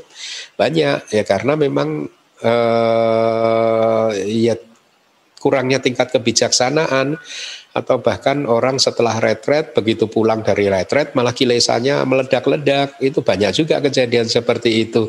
Itulah mengapa Anda harus satu mempunyai ilmu yang cukup dan juga mempunyai guru yang bisa membimbing Anda menunjukkan kepada Anda mana yang benar dan mana yang mana yang salah. Jadi kalau sudah bertemu dengan guru yang seperti itu maka Anda harus patuh gitu ya. E, karena guru itu biar bagaimanapun itu pengalamannya lebih banyak daripada muridnya gitu. Nah, yang dialami oleh uh, si si uh, apa? biku ini juga seperti itu gitu. Dia tidak bisa menikmati kebikuannya gitu. Uh, akhirnya dia pun mengirimkan surat ke orang tuanya dan lepas jubah. Tapi setelah beberapa hari dia mendapatkan kembali kekuatannya, sadar ya, dan sekali lagi dia menjadi biku gitu. Dia pun kembali lagi menjadi biku, tapi kemudian untuk lepas subah lagi. Tapi setelah menjadi biku untuk ketiga kalinya, dia bisa berlatih dengan baik sehingga akhirnya merealisasi pencerahan sebagai seorang paceka Buddha. Setelah mengucapkan stansa ini di tengah-tengah para paceka Buddha, dia mengucapkan lagi stansa tersebut sebagai penjelasannya. Tolong slide-nya ditampilkan. Next. Next slide. Ya, kamati. Jadi kama atau kenikmatan-kenikmatan indriawi berarti dua kama. Ya, dua kama itu adalah waduk kama dan kilesa kama. Jadi ada dua kenikmatan indriawi, watuk kama dan kilesa kama. Apa itu watuk kama? Watuk itu objek, kama itu kenikmatan indriawi. Berarti objek kenikmatan indriawi. Di sini artinya adalah objek-objek yang menyenangkan, objek panca indera yang menyenangkan gitu ya. Seperti objek mata yang menyenangkan, objek telinga yang menyenangkan. Yang menyenangkan itu yang seperti apa? Ya yang yang yang yang secara umum dianggap sebagai objek yang baik. Misalkan Anda eh, apa ada orang datang kepada Anda dan membawa uang 1M dan diberikan pada Anda. Nah, uang 1M yang Anda lihat dengan mata Anda itu objek yang menyenangkan gitu. Atau ada orang yang berkata kepada Anda dengan memuji-muji Anda, maka itu objek yang menyenangkan yaitu buah dari karma baik Anda gitu ya. Tapi ada yang kedua yaitu kilesa kama. Kilesa kama itu adalah segala jenis nafsu-nafsu dan kilesa-kilesa lainnya ya. Nah, jadi hati-hati ketika mendapatkan objek-objek yang menyenangkan, kita tidak boleh bereaksi dengan kilesa gitu. Di stansa ini yang dimaksud kama atau kenikmatan-kenikmatan indriawi khusus hanya merujuk kepada waduk kama yaitu kenikmatan-kenikmatan indriawi yang adalah berwarna-warni kan kalimat begitu kan itu adalah waduk kama objek panca indera. Nah, berwarna-warni itu uh, disebut demikian karena bentuknya yang berbeda-beda. Manis disebut demikian karena objek tersebut menjadi objek untuk kenikmatan dunia. Jadi objek-objek itu tadi itu manis itu. Seolah-olah manis dan menyenangkan karena mereka menyenangkan hati para pujana yang bodoh. Lihat, mereka disebut menyenangkan karena objek-objek tersebut menyenangkan hati para putu jana yang bodoh, balak putu jana. Karena putu jana yang tidak bodoh atau para Arya tidak terjebak pada itu. Gitu. Disebut karena bermacam-macam karena memang jenisnya yang bermacam-macam dalam bentuk yang juga bermacam-macam. Jadi ini sangat mudah untuk dipahami.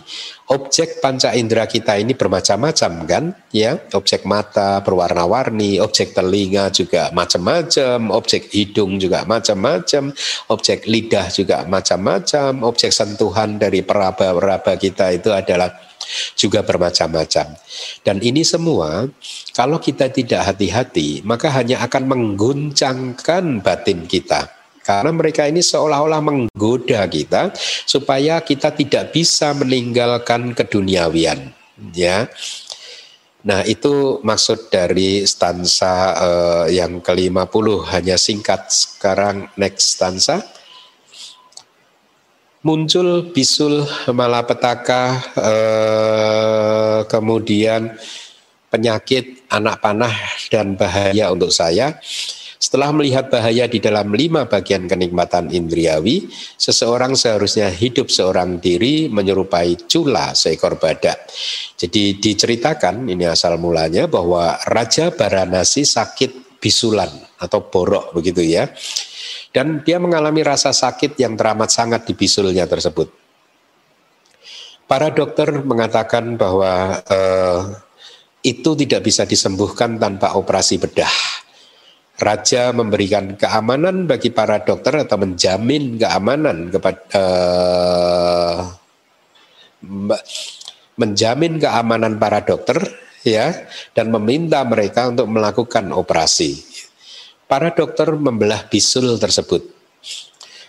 Kemudian mereka membuang nanah yang ada di dalamnya serta darah kotor yang ada di dalamnya.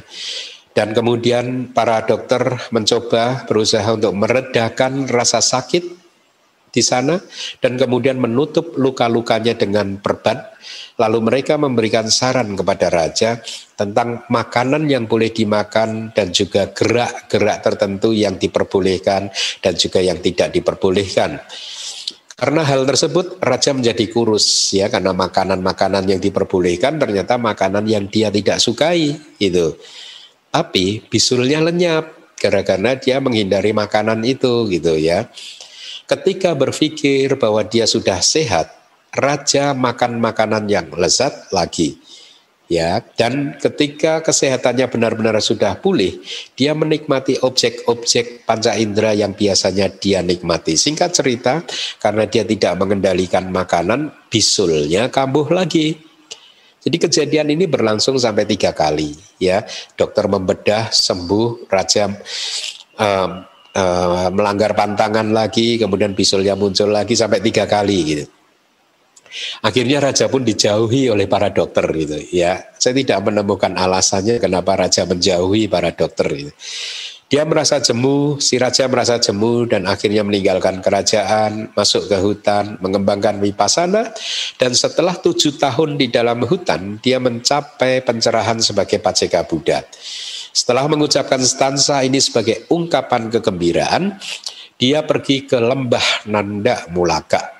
Kata muncul bisul, kata muncul ini adalah istilah untuk sebab-sebab kesengsaraan yang merupakan bagian dari damak-damak yang tidak baik yang telah tiba. Jadi ketika damak-damak yang tidak baik telah tiba gitu itu maksudnya itulah mengapa kama guna atau objek-objek panca indera atau lima bagian kenikmatan indriawi itu bahasa palingnya kama guna gitu ya.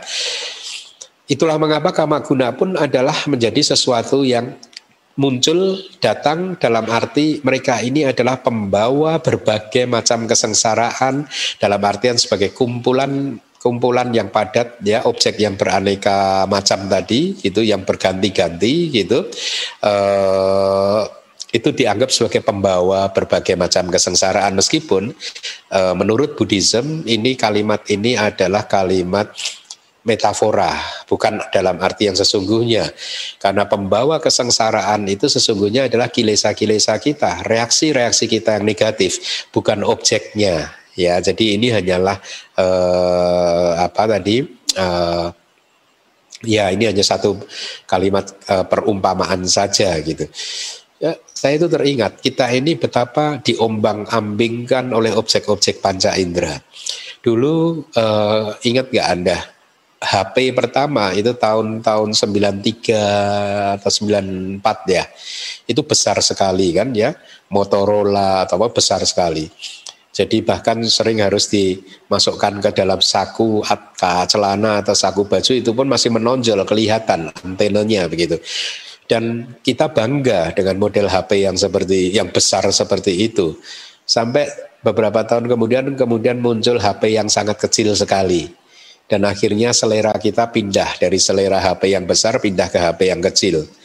Beberapa tahun kemudian trennya berubah lagi menjadi HP yang besar lagi gitu jadi dalam benda-benda yang lain, objek-objek yang lain pun juga seperti itu. Kita ini kayak dimain-mainkan saja dengan objek panca indera kita gitu, ya.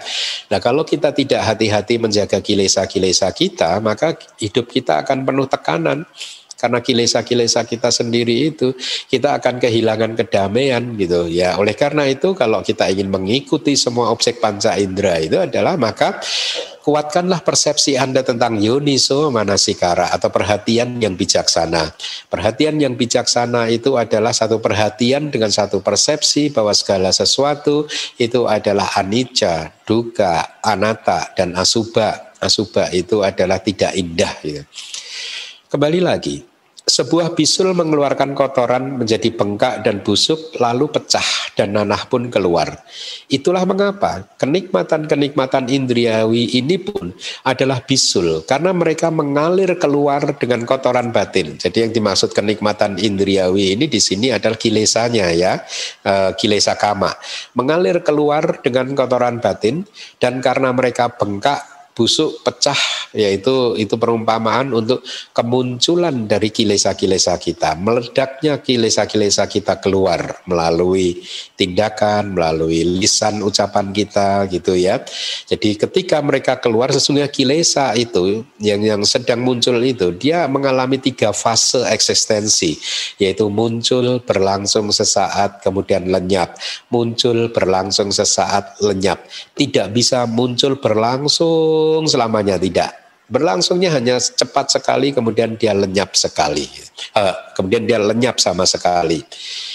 Nah kembali ke stansa, malapetaka adalah apa pun yang menghasilkan sesuatu yang membahayakan dan bisa menguasai makhluk. Itu definisi malapetaka di sini ya.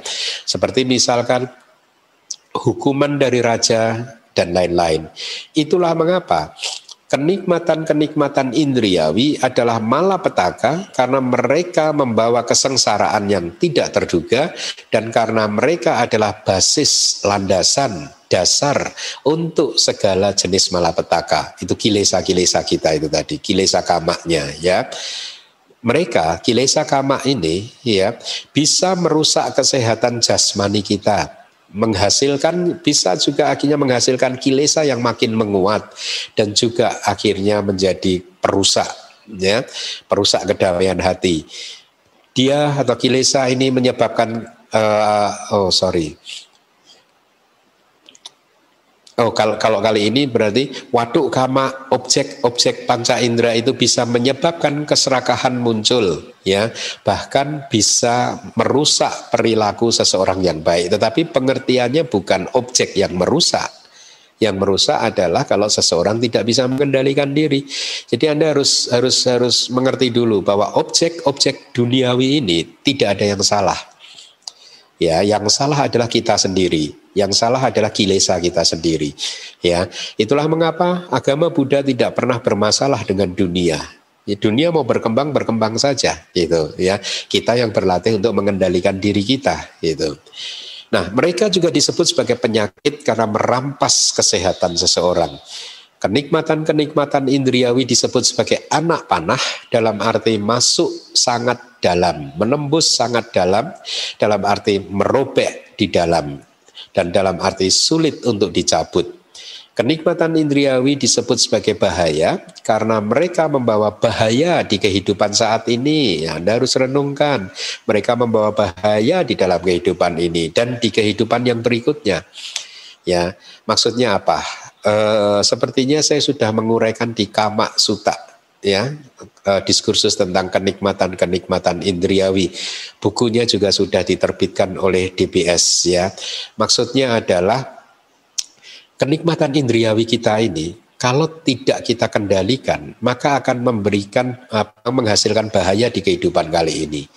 Ya dan juga kehidup di kehidupan yang akan datang kalau kenikmatan indriawi tadi nafsu-nafsu tadi berbuah menghasilkan kelahiran kembali maka pasti munculnya hanyalah kelahiran kembali di salah satu dari empat apa ya neraka, peta, asura dan binatang. Makanya itulah dikatakan kenikmatan indriawi bisa memberikan bahaya di kehidupan yang berikutnya.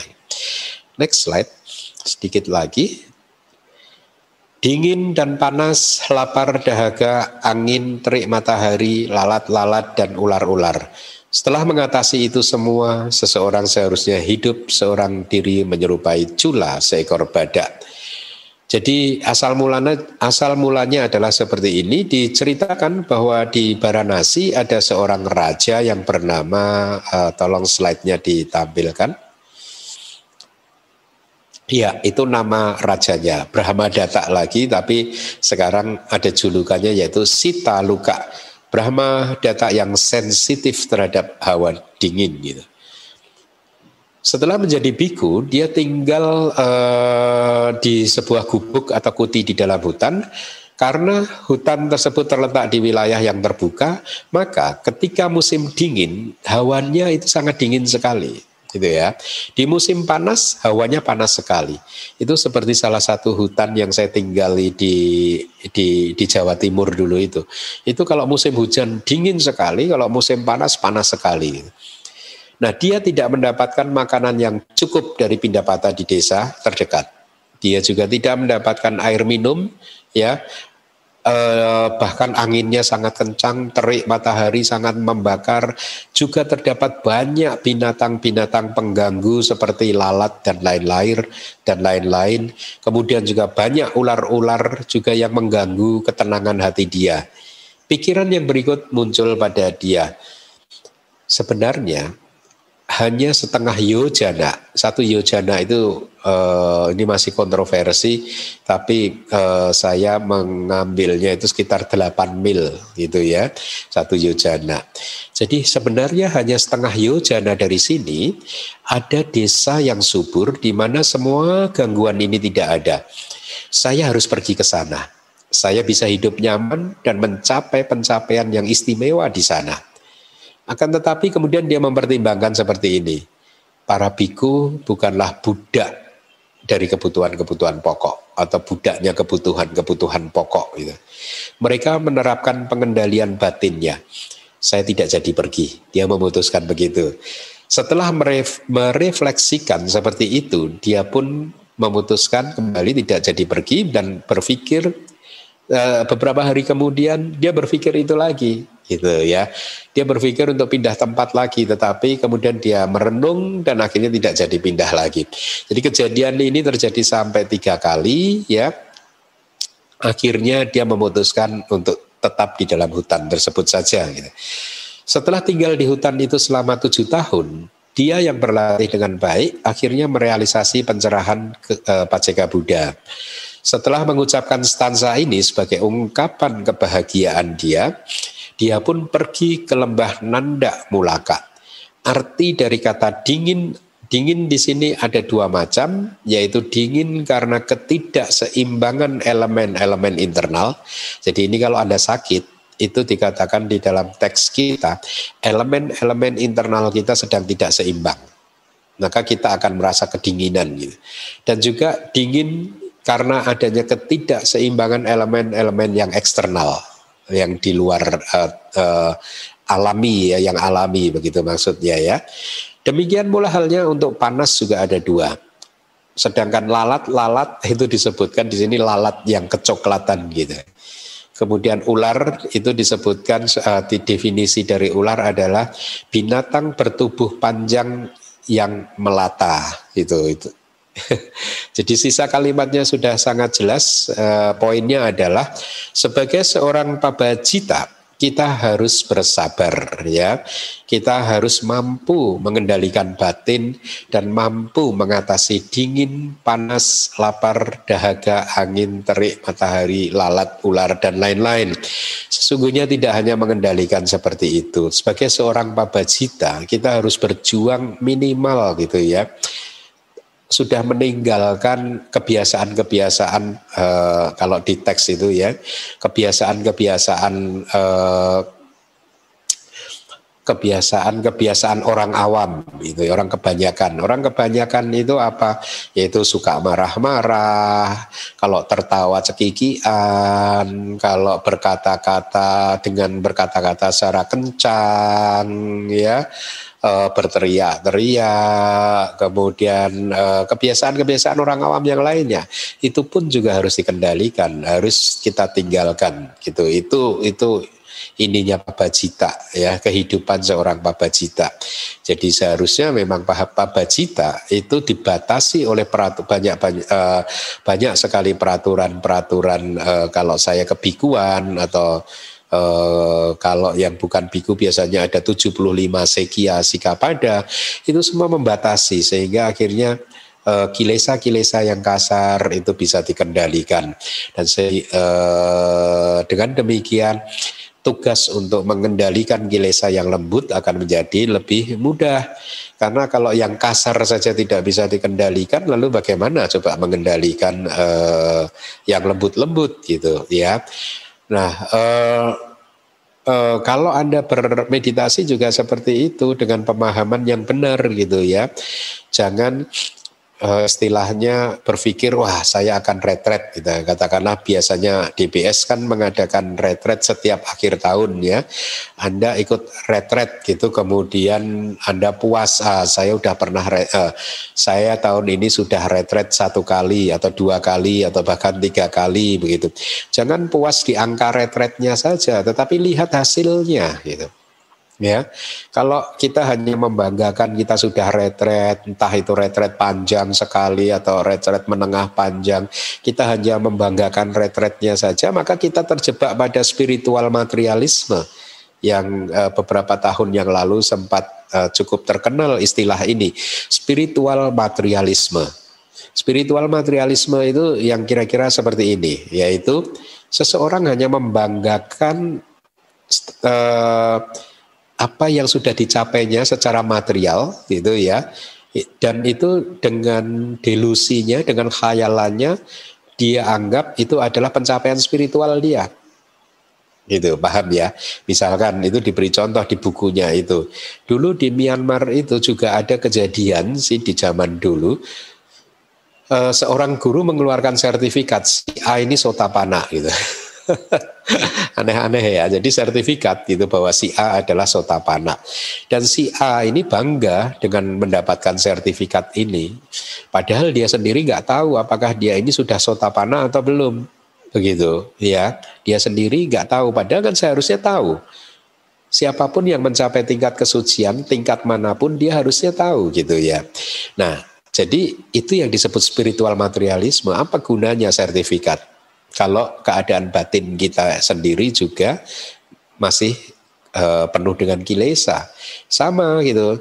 Eh, kita tidak membanggakan retretnya sudah setahun dua kali tiga kali tetapi harusnya yang kita analisa adalah apakah retret-retret ini sudah memberikan kemajuan batin kepada kita gitu.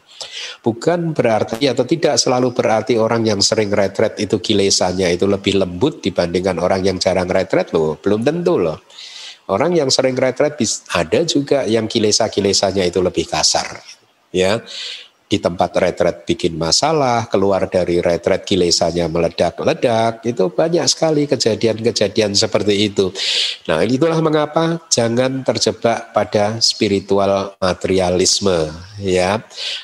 Dan materialisme itu kan bisa berarti tidak hanya itu tadi yang saya ceritakan, tetapi juga yang ada di dalam uh, stansa ini ya kita jangan mudah terpengaruh karena dingin, panas, lapar, dahaga, angin, terik matahari, lalat, ular dan lain sebagainya ya. Itu harusnya adalah sesuatu yang bisa kita kendalikan dengan cara mengendalikan kilesa-kilesa kita. Baik, demikian yang bisa saya sampaikan untuk kelas yang kali ini. Semoga bermanfaat dan semoga kebajikan yang sudah Anda lakukan sejak awal kelas ini bisa menjadi kondisi yang sangat kuat untuk men, uh, mendukung pencapaian maga, pala, dan nibana Anda. Terima kasih. Sadu, sadu, sadu. Anumodana Bante atas penjelasan suta yang telah disampaikan kepada kami. Semoga kami semua mendapatkan manfaat tertinggi dari pendengaran dhamma ini. Bagi kalian mita yang membutuhkan slide kelas PS ini dapat mengunduhnya di website DBS www.damawihari.or.id atau berada di tautan pada deskripsi YouTube ceramah kelas PS ini. Selanjutnya kalian mita kita akan memasuki sesi tanya jawab. Untuk itu kami akan bacakan tata tertib sesi tanya jawab ini. Saat sesi tanya jawab, bagi kalian yang ingin bertanya, dipersilakan klik tanda raise hand. Fitur ini berada di bagian reaction di bagian bawah kanan, bagi yang menggunakan komputer dan ada di bagian more bagi yang menggunakan handphone. Tim akan menentukan siapa yang akan mendapatkan giliran untuk bertanya. Pertanyaan kalian minta diharapkan sesuai dengan topik ceramah. Bagi yang diperbolehkan bertanya akan di-unmute oleh host. Kalimita diharapkan untuk memperkenalkan diri dengan menyebutkan nama dan kota atau negara tempat domisili. Dikarenakan adanya keterbatasan waktu, maka harap maklum apabila tidak semua penanya akan mendapatkan giliran. Agar memberikan kesempatan kepada semua kalimita yang ingin bertanya, kami mohon agar masing-masing penanya hanya mengajukan satu pertanyaan terlebih dahulu.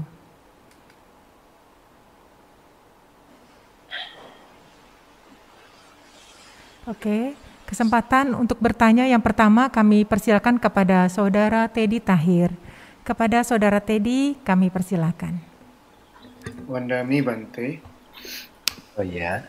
Uh, Bante, saya ingin bertanya tentang perasaan ya. Nah, uh, di buku Gahapatiwago kebetulan saya sudah membacanya dan satu sutta yang sangat menarik itu adalah Bahu Wedania Sutta di mana diuraikan ada 108 perasaan 36 perasaan di masa lalu, 36 perasaan masa kini, 36 perasaan masa depan.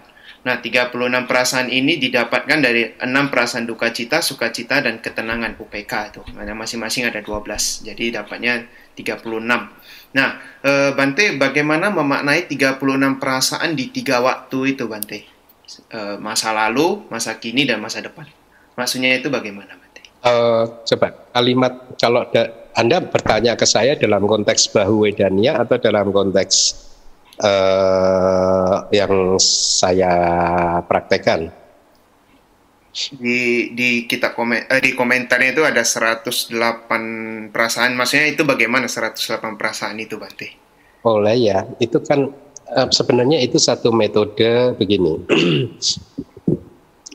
Karena banyak sekali orang bahkan di kalangan Buddhis ya yang uh, menggenggam secara keliru menggenggam artinya menggenggam itu kayak memahami jadi dalam kitab Pali itu kalau di ada kata menggenggam itu kadang bermakna memahami gitu ya ada meng, yang saja yang menggenggam perasaan secara keliru yang dianggap bahwa perasaan itu dari dulu, sekarang dan yang akan datang itu sama. Dan juga ada yang menggenggam secara keliru bahwa perasaan yang muncul melalui pintu mata, telinga, panca indera dan juga batin pikiran kita itu juga perasaan yang sama.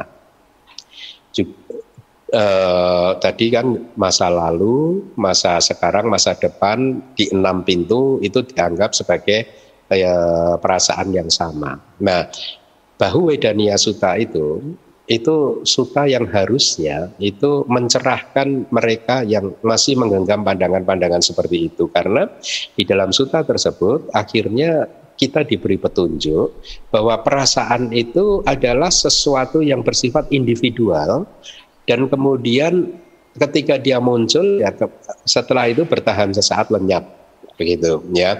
Jadi perasaan masa lalu dan perasaan yang sekarang itu berbeda perasaan yang sekarang dan perasaan yang nanti satu detik lagi ini akan muncul juga berbeda. Jadi ketika kita membagi menjadi tiga waktu masa lalu, masa sekarang dan masa depan, itu tidak selalu harus masa lalu itu kehidupan yang lampau atau satu jam sebelumnya atau uh, mungkin di masa kecil kita tidak harus seperti itu. Walaupun itu benar, itu adalah perasaan yang masa lalu, tetapi di kitab komentar juga dijelaskan. Saya nggak tahu apakah di bahu wedania itu dijelaskan seperti yang akan saya sampaikan ini. Tetapi di kitab Anatalakana itu dijelaskan. Di kitab komentar dari Anatalakana Sutta itu dijelaskan bahwa masa lalu itu adalah yang muncul di proses kognitif persis sebelum yang saat ini.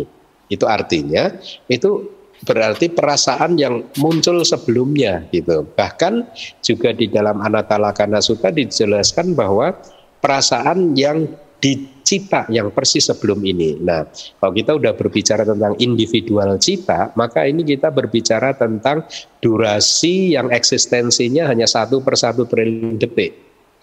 Nah, jadi poin dari ini semua adalah uh, uh, uh, kitab komentar sedang memberikan petunjuk kepada kita untuk memecah kepadatan. Jadi kepadatan ini dipecah Padatan ini yang biasanya dianggap oleh orang awam yang tidak mengerti dharma atau dalam bahasa teksnya itu anda jana. Jadi seorang jana yang bodoh itu menganggap semuanya itu sebagai satu wujud yang padat. Artinya perasaan masa lalu, masa depan, masa sekarang itu satu, kemudian yang muncul di mata, telinga, hidung, lidah, tubuh dan pikiran itu juga sama dengan yang tadi, semuanya ini hanyalah satu perasaan. Enggak. Nah, sekarang dipecah-pecah ada masa lalu, masa sekarang, masa depan, ada yang berbeda muncul di mata, telinga, melalui pintu mata, pintu telinga dan seterusnya. Begitu itu berbeda-beda. Jadi ini salah satu eh, bahkan kalau bermeditasi juga guru akan meminta begitu. Ya, eh, kita akan diinstruksikan oleh guru untuk melihat jenis-jenis perasaan ini begitu. Nah, ini salah satu mungkin bisa dikatakan salah satu cara atau strategi untuk uh, uh, apa melihat bahwa segala atau bahwa perasaan ini adalah sesungguhnya anata, lebih fokus pada anatanya gitu. Bahwa ini bukan diri kita karena perasaan yang lalu sudah lenyap, perasaan yang akan datang belum datang. Yang ada adalah perasaan saat ini. Kalau perasaan ini adalah saya, berarti saya sebelum saat ini sudah hancur, sudah lenyap. Saat ini saya ada, tapi sebentar lagi saya hancur lagi gitu. Jadi ini salah satu cara sih untuk merealisasi anata. Begitu. Baik, terima kasih Bante. Terima kasih Bante atas penjelasannya. Selanjutnya kesempatan bertanya diberikan kepada Saudara Paulus Petrus. Kepada Saudara Paulus kami persilahkan.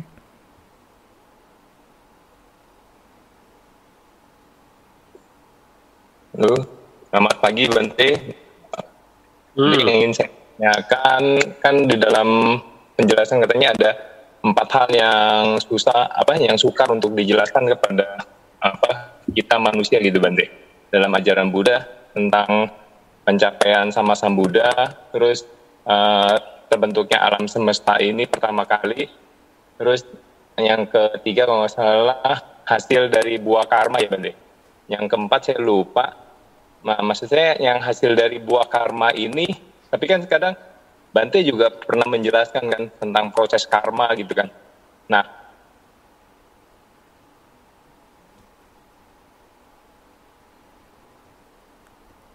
Saudara Paulus diajarkan juga oleh Buddha dan kemudian kami para muridnya menurunkannya kepada Anda semua semata-mata untuk mengerti cara bekerjanya karma. Walaupun demikian, walaupun karma sudah dikupas dengan sangat mendetil seperti itu, itu pun kita masih sulit untuk bisa memahami wipaka mana ini yang muncul, buah karma mana ini yang akan muncul dan seterusnya. Begitu sih Pak pemahamannya, Pak. Ya. Uh, maksud kalau di Ya, kalau dipikirkan nanti akan menjadi gila itu begini loh. Konteksnya begini supaya kita tidak salah paham. Konteksnya adalah uh, seseorang sudah berbuat baik, ya, menurut dia dia sudah berbuat baik, terus tiba-tiba dia mengalami kehancuran kehidupan. Nah, akhirnya kan saya ingat mengalami kehancuran kehidupan. Kenapa, Pak? Saya lanjutkan ya. Jadi saya juga ingat ketika belum menjadi Buddhis di kalangan tetangga kita gitu ya. Itu yang pemeluk tetangga, agama tetangga itu juga bahkan ketika mengalami kehancuran kehidupan secara tiba-tiba tersebut ada yang stres dia nggak nggak bisa terima saya sudah melakukan segala perintah-perintahnya dan lain sebagainya, kok saya masih mengalami seperti ini? Ada kejadian-kejadian seperti itu. Dia stres gila akhirnya, gara-gara dia nggak bisa terima. Menurut dia, dia sudah melakukan segala perintahnya, gitu, sudah melakukan semua kebajikan, katakanlah begitu, kok hidupnya hancur. Nah, itu yang dimaksudkan dalam konteks yang seperti itu kenapa saya begini gitu itu sulit untuk ditembus ke tanpa meditasi sih kalau hanya dipikirkan saja itu tidak bisa harus ditembus melalui meditasi begitu maksudnya Terima kasih Bante atas penjelasannya. Kami mohon maaf karena tadi di DBS ada sedikit kendala internet. Oh. Ka kami masih membuka kesempatan bertanya bagi kalian Mita yang ingin bertanya, kami persilahkan.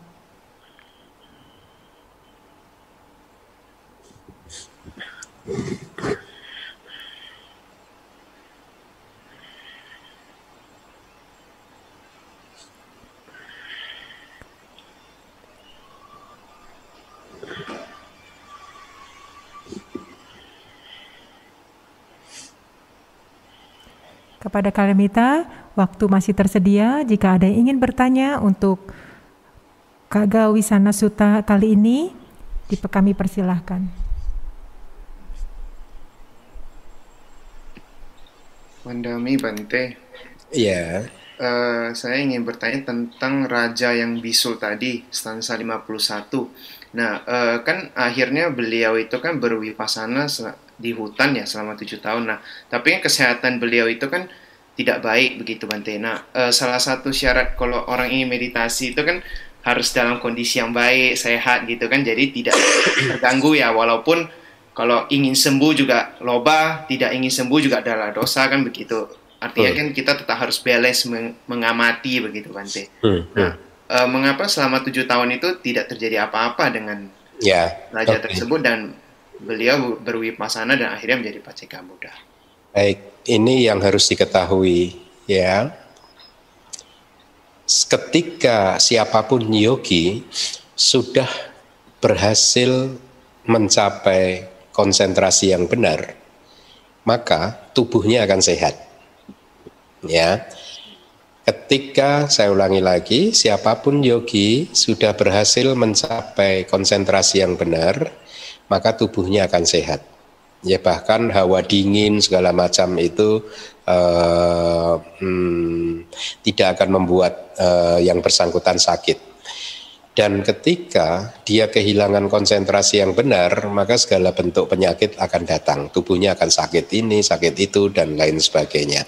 Ya, Jadi dengan kata lain, selama dia berwipasana, karena wipasana itu kan disyaratkan si yang bersangkutan sudah harus mencapai konsentrasi benar. Konsentrasi benar itu di kitab komentar ada ada ada dua, yaitu apana samadhi dan upacara samadhi, jana dan juga konsentrasi akses. Tetapi uh, di kitab subkomentar juga dijelaskan bahwa konsentrasi akses itu kekuatannya sama dengan kanika samadhi yaitu momentary concentration atau konsentrasi sesaat demi sesaat itu yang berpindah-pindah terus untuk mengamati objek yang muncul lenyap dengan sangat cepatnya uh, sangat cepat sekali itu itu.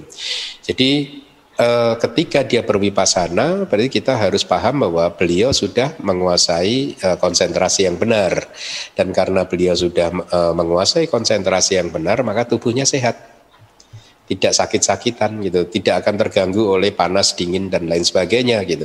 Itulah mengapa banyak yogi yang hidup di Himalaya dan sehat-sehat saja, katakanlah begitu ya. Gitu. Oke, berarti tapi tidak menjadikan meditasi itu untuk sembuh ya Bante. Misalnya lagi sakit ya meditasi, konsentrasi. Oh iya, uh, bis efeknya begitu. Misalkan Anda sakit saat ini dan meditasi kok kemudian mencapai sama-sama di Anda sembuh dari sakit Anda. Ya itu efeknya, tapi itu kan bukan tujuan kan. Ya. Bukan tujuan. Ha. Baik, terima kasih Bante. Terima kasih Bante atas penjelasannya. Selanjutnya kesempatan bertanya diberikan kepada Saudara Herman Sutiono. Kepada Saudara Herman kami persilahkan. Wandami Bante, hmm. Herman dari Surabaya. Mau tanya Bante, ya, eh, Paceka-paceka Buddha ini apakah munculnya pada kapa yang sekarang ini, pada kapa kah? Lalu hmm. apakah Paceka Buddha ini bisa muncul pada kapal-kapal yang tidak ada sama sang Buddhanya yang muncul? Hmm. Kasih. Justru Paceka Buddha ini hanya bisa muncul uh, sebentar. Paceka Buddha ini muncul ketika nggak ada ajaran Buddha, Pak. Iya, tapi kan kapa kapa ada sama sang Buddha, tapi saat itu kan saat tidak ada apa sama Buddha sasana lagi tidak ada, tapi ya. kapa ini kan ada ada sama sang Buddha ada muncul. Ya. Tapi saat apa tidak ada tidak ada sama sang Buddha apa Paceka Buddha bisa muncul? Ketika apa tidak ada sama sang Buddha sama sekali. Oh maksudnya itu ya yang sunyak kapa ya? Iya sunyak kapa. Uh, sunyak kapa ya Paceka Buddha bisa muncul enggak ya? Hmm, saya harus cari di teksnya. Bagus nih pertanyaannya nih. Nanti coba saya carinya ya. Hmm, sun, harusnya sunyak pak. Sunyak ya kosong. Harusnya ya logikanya ya. Berarti tidak ada gitu ya untuk sementara. Tapi nanti kalau pas ini saya coba carinya di komentar gitu. Karena maka di, kenapa dia disebut sunyak kosong ya karena emang nggak ada itu tadi kan e, mereka yang mencapai ini e, pencerahan gitu. Tapi nanti akan coba saya cari pertanyaan yang bagus, bagus. Terima kasih Pak. Terima kasih. Iya.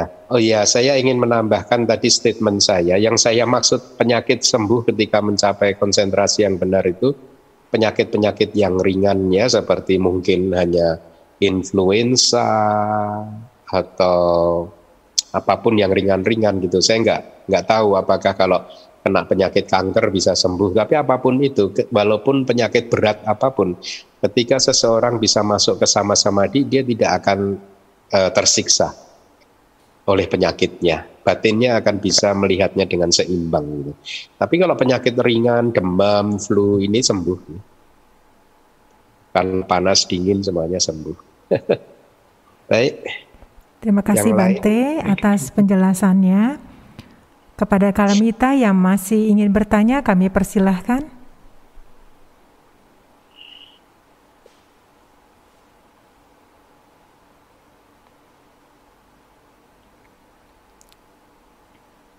Kita masih memiliki waktu untuk bertanya.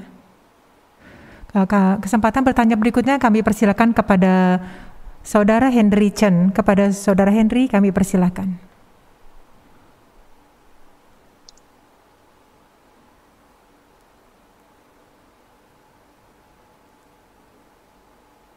Huh? Masih mute Pak Henry. Halo. Ya, ya. Halo? Ya. Oh ya, Nami Bante. Mm-hmm. Ya, uh, tadi Bante mau tanya, apakah dengan meditasi uh, kita akan memudahkan kita untuk memahami suta-suta Sang Buddha. Apa ada pengaruhnya gitu? Hmm, iya, saya rasa ada, Pak. Saya rasa ada. Uh, karena ketika Pak Henry bermeditasi dan berhasil, artinya meditasinya berkembang ya, itu sati itu berkembang, Pak. Uh, satinya penuh kekuatannya gitu ya. Ketika satinya penuh, Anda akan mudah untuk memahami dan menghafal, mengingat apa yang sudah Anda baca gitu ya. Jadi uh, ada cerita nih gitu, ada cerita. Seseorang habis bermeditasi beberapa tahun ya uh, ya bermeditasi di hutan, kemudian dibimbing gurunya. Pokoknya dia bermeditasi itu selama beberapa tahun. Singkat cerita, setelah bermeditasi dia harus belajar, dia harus sekolah gitu. Nah itu apa yang terjadi? Itu ketika dia membaca buku itu lembar demi lembar itu bisa nyantol istilah orang Jawanya itu dengan cepat sekali. Dia bisa ingat terus gitu, gitu apa? E, belajarnya menjadi sangat mudah gitu. Nah itu karena faktor efek dari dia yang sebelumnya selama beberapa tahun bermeditasi terus itu ya meditasinya ini berkembang loh ya Makanya kita kalau bicara meditasi itu sebenarnya harus dispesifikkan sih. Meditasi yang sudah berkembang dan meditasi yang belum berkembang. Karena kalau yang meditasi yang belum berkembang, ya tadi ada saja cerita yang tadi saya sampaikan. Pulang dari retret malah marah-marah, malah ini di dalam retret juga konflik, ini itu ada cerita itu ada gitu. Tapi yang saya ceritakan ini meditasi yang sudah berkembang gitu ya. Karena uh, penjelasannya begini Pak, satinya jadi berkembang, sati itu perhatian penuh atau mindfulness, dan sati itu adalah faktor mental yang memang bisa membuat daya ingat kita itu tajam. Ya, kita akan jadi ingat apa yang kita lihat, apa yang kita dengar, apa yang kita baca itu. Jadi kayak kayak memori itu kayak bisa menyerap apa pun itu dengan mudah dan apa yang sudah diserap itu tidak menguap. Ingatan itu akan akan bertahan lama. Yaitu. Nah ini juga sekaligus di sisi yang lain juga menerangkan kalau ada orang yang sulit untuk mengingat-ingat sesuatu atau mungkin belajarnya lemah kalau kalau ingin meningkatkan uh, kualitas belajarnya maka salah satu caranya yaitu tadi mengembangkan sati. Perhatian penuh gitu. Jadi perhatian penuh ini yang bertanggung jawab terhadap memori-memori kita pak. Makanya kan eh, pengetahuan untuk mengingat kehidupan lampau itu kan disebutnya kan juga pube anusati nyana. Ube itu sebelumnya, anu sati itu terdiri dari kata depan anu plus sati. Nyana itu pengetahuan, sati itu perhatian penuh, anu itu berulang-ulang. Jadi pengetahuan yang memperhatikan kehidupan lampau secara berulang-ulang gitu. Ube, jadi begitu sih Pak. E, memang memang ada hubungannya antara meditasi yang berhasil dan juga daya serap, daya ingat e, dari yang bersangkutan. Hmm, baik, terima kasih Bante. Baik. Terima kasih Bante atas penjelasannya. Pertanyaan tadi juga menutup sesi tanya jawab kita pada hari ini. Selanjutnya Kalyamita kita akan melakukan satu lagi kebajikan yaitu dana parami di mana Anda dapat berdana melalui dompet digital dengan cara scan QR code yang ada di layar komputer atau handphone Anda. Atau Anda bisa dengan cara transfer ke rekening BCA Yayasan Damawihari dengan kode transfer 01 di akhir nominal dana Anda. Barcode QR ini pun bisa difoto dan disimpan di handphone Anda supaya Anda bisa melakukan dana kapan pun dan di mana pun Anda berada. Kami ingatkan kembali kalian untuk tidak meninggalkan kelas online ini sebelum Bante meninggalkan kelas. Atas perhatian dan kerjasamanya kami ucapkan terima kasih. Dengan penuh sukacita dan pemahaman yang benar tentang berdana, mari kalian minta kita siapkan batin kita untuk melakukan kebajikan melalui dana parami. Sadu, sadu, sadu. Anumodana kami ucapkan kepada kalian minta semua. Selanjutnya Bante akan membimbing kita semua untuk melakukan pelimpahan jasa atas semua bentuk kebajikan yang telah kita lakukan pada hari ini. Mari kalian minta semua kita beranjali. Baik, saya akan membimbing Anda untuk melakukan persembahan jasa-jasa kebajikan. Untuk itu ikuti saya. Idam me punyang. Idang me punyang. Asawa kaya wahang. Asawa kaya wahang. Hotu. Hotu. Idam me punyang. Idang me punyang. Nibanasa. Nibanasa. Pacayo. Pacayo Hotu. Hotu. Mama punya bagang. Mama punya bagang. Sabak satanang. Sabak satanang. Bajemi. Bajemi. Tesabe. Tesabe. Mesamang. Mesamang punya bagang punya bagang. Bantu. Bantu. Semoga jasa kebajikan saya ini semoga jasa kebajikan saya ini mengalir ke arah kehancuran noda-noda batin. mengalir ke arah kehancuran noda-noda batin. Semoga jasa kebajikan saya ini semoga jasa kebajikan saya ini menjadi kondisi untuk merealisasi nibbana menjadi kondisi untuk merealisasi nibbana. Saya membagikan bagian kebajikan ini. Saya membagikan bagian kebajikan ini kepada semua makhluk. Kepada semua makhluk. Semoga mereka semua. Semoga mereka semua mendapatkan bagian kebajikan. Mendapatkan bagian kebajikan yang sama dengan saya. Yang sama dengan saya Sadu, sadu, sadu. Terima kasih atas Dhamma Desana dan bimbingan Bante pagi ini.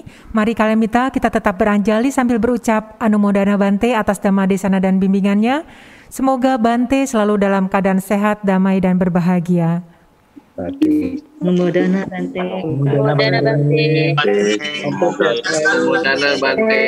Memudana Bante. Semoga Bante sehat selalu. Aduh. Semoga Anda semua sehat, damai, bahagia ya. Tadu, tadu, tadu. Ya. Terima kasih, terima kasih. Dengan berakhirnya pembabaran Dhamma, kami mempersilahkan Bante untuk dapat meninggalkan kelas PS online ini.